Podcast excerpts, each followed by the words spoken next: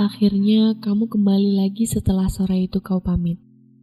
Kau bilang ingin pergi ke tempat pelarianmu, tempatmu untuk melepas segala beban pikiran.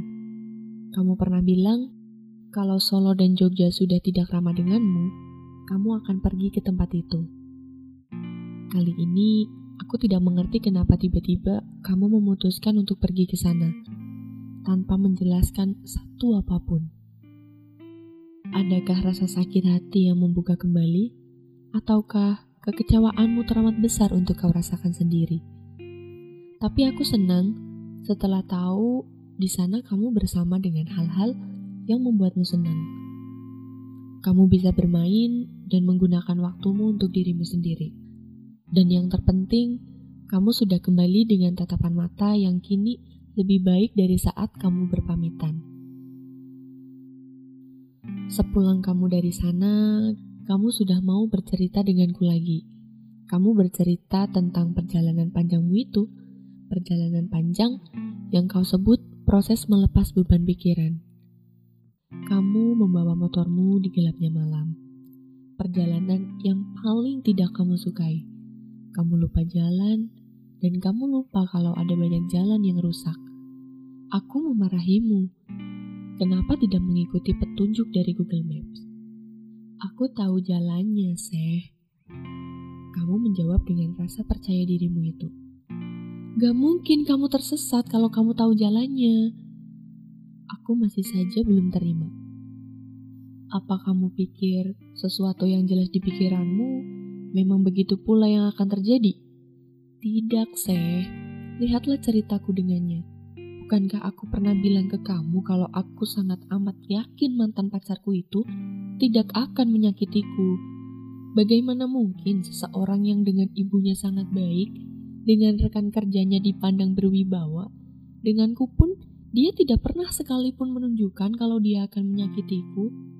Tapi nyatanya, kamu tahu sendiri, Seh. Aku hanya diam. Perkataanmu benar. Aku terus menanyakan padamu, apakah setelah melakukan perjalanan itu semua, beban yang kamu rasakan menghilang? Kamu pun menjawab, tidak, beban itu masih ada. Hanya saja, kini aku lebih menerimanya. Aku menerima beban itu sebagai bagian dari perjalanan yang mendewasakanku. Aku, kamu, dan banyak orang lain pasti pernah merasakannya percaya kepada manusia, lalu dikecewakan. Aku juga sama. Aku dikecewakan oleh pikiranku sendiri.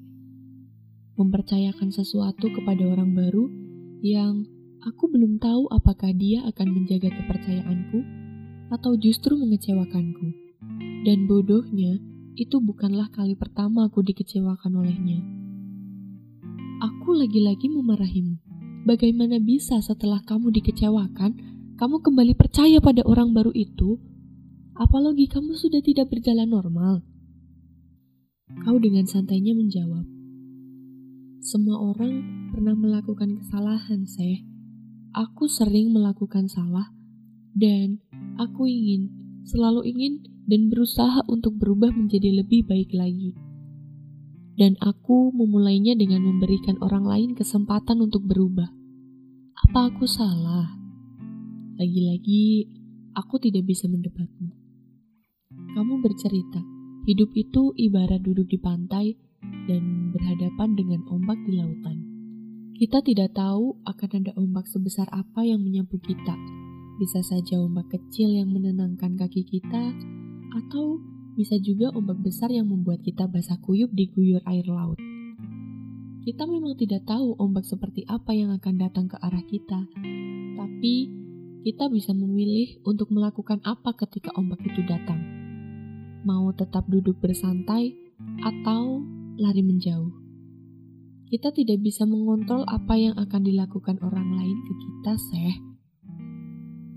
Aku tidak tahu badai sebesar apa yang membuatmu bisa tumbuh jadi kamu yang sekarang. Entah berapa kali kamu menangis tanpa aku tahu. Entah seperti apa kondisi hati dan pikiranmu saat ini sekarang, aku hanya melihat senyum manis itu kembali melekat di wajahmu. Tapi tatapan itu, tatapan itu sudah tidak lagi sama seperti awal aku mengenalmu. Kamu berubah. Setiap kita pasti melakukannya. Dan yang aku ingin darimu hanyalah perubahan yang membawamu semakin menjadi baik, seperti mimpimu, menjadi baik dan membuat baik orang-orang di sekitarmu. Sehat-sehat, Ra.